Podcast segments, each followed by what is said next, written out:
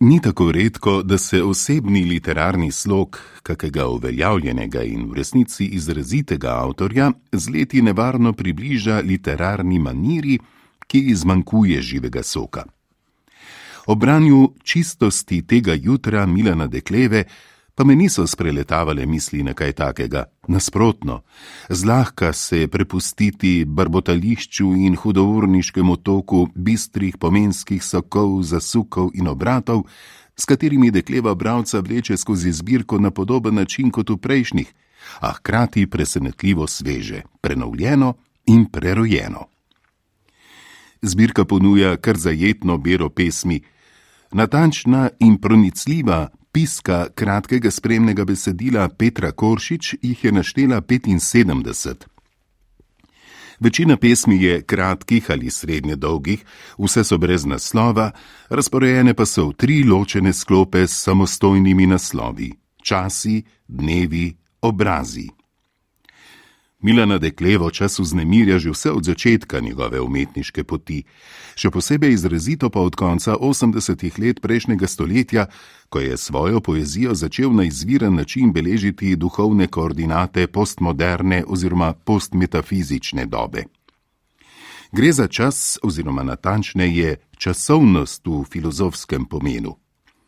V dolgi zgodovini evropske metafizične misli je imela tradicionalno privilegirano mesto in bila sveti gral največjih umov in najdaljnovidnejših umetniških snovalcev, tako ali drugače razumljena večnost.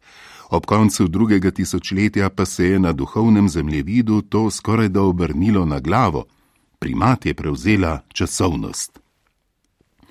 Spremembo paradigme verjetno najbolj lapidarno ponazarja kar osrednje filozofsko delo Bit in čas Martina Heideggerja, enega najvplivnejših mislecev 20. stoletja, ki je neposredno ali pa preko dmevov vplival tudi na snovanje Milana Dekleve. Temeljna ontološka vprašanja o smislu biti se zdaj razpirajo na obzorju časovnosti. A obzorje časovnosti ima veliko obrazov. Njihovo število je praktično neomejeno, kajti čas, dokler traja, nenehno priteka iz nedoločenosti in odteka v nedokončanost, bi lahko rekli po branju prvega sklopa deklevove zbirke Čistost tega jutra.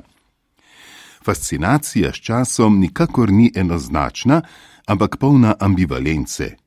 Če v eni od pesmi beremo: Občudovalec in vernik časa sem pa po drugi strani govorec pesmi na različne načine izraža svoje antagonistično razmerje do časa.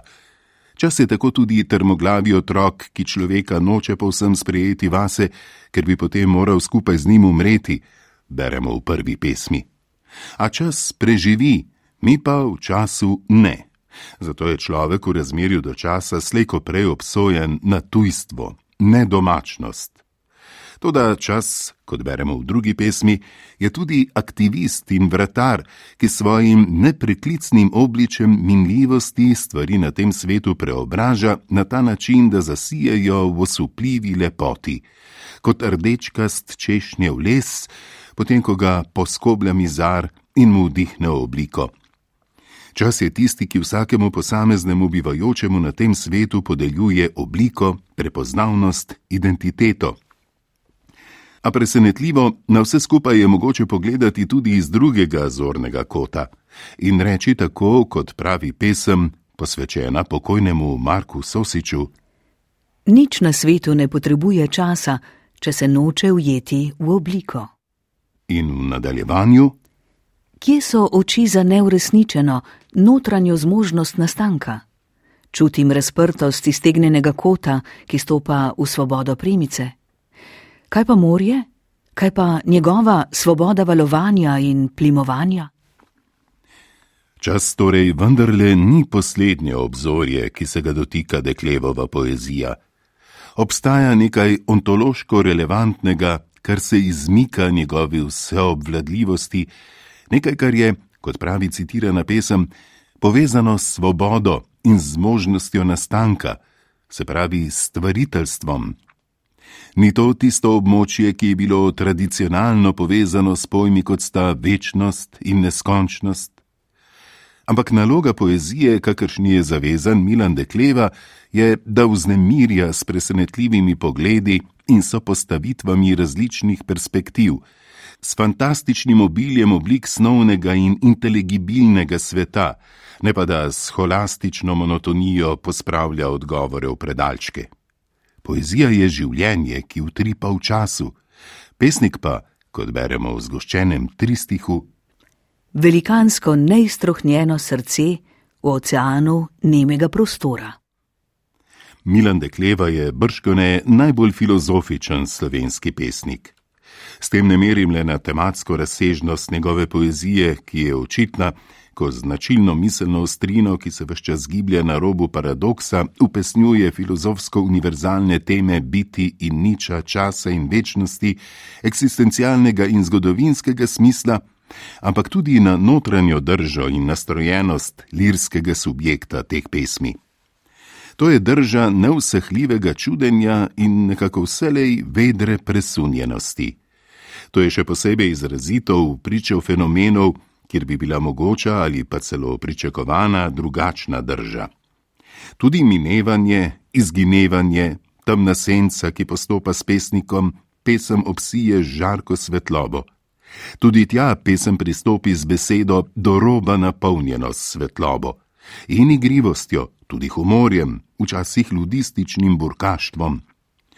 In skoraj vedno z jezikovno slastjo, ki se veseli gibčnosti besed in se jih hvaležno prepušča, jo ob vsaki priložnosti prijazno izvablja. Pesnik je pridno, sposobno bitje, vselej je na delu kot okretna in neumorna gospodinja, gospod, ki se udinja pesmi. Čistost tega jutra Milana Dekleve je pesniški dokument prevzetosti nad bivanjem, obiljem bivanja, prekipevanjem biti in niča. Tudi v zadnjem ciklu z naslovom Obrazi, ki je poskus imaginativnega oživljanja v duhovno prezenco velikih žensk iz zgodovine zahodne umetnosti in poklon spominu na njihovo praviloma tragično osebno usodo. Tudi tu lahko ponovimo za deklevo. Pesem je preobilje. Tudi zato je zbirka čistost tega jutra hvaležno branje, priporočljivo branje za naš nehvaležni čas.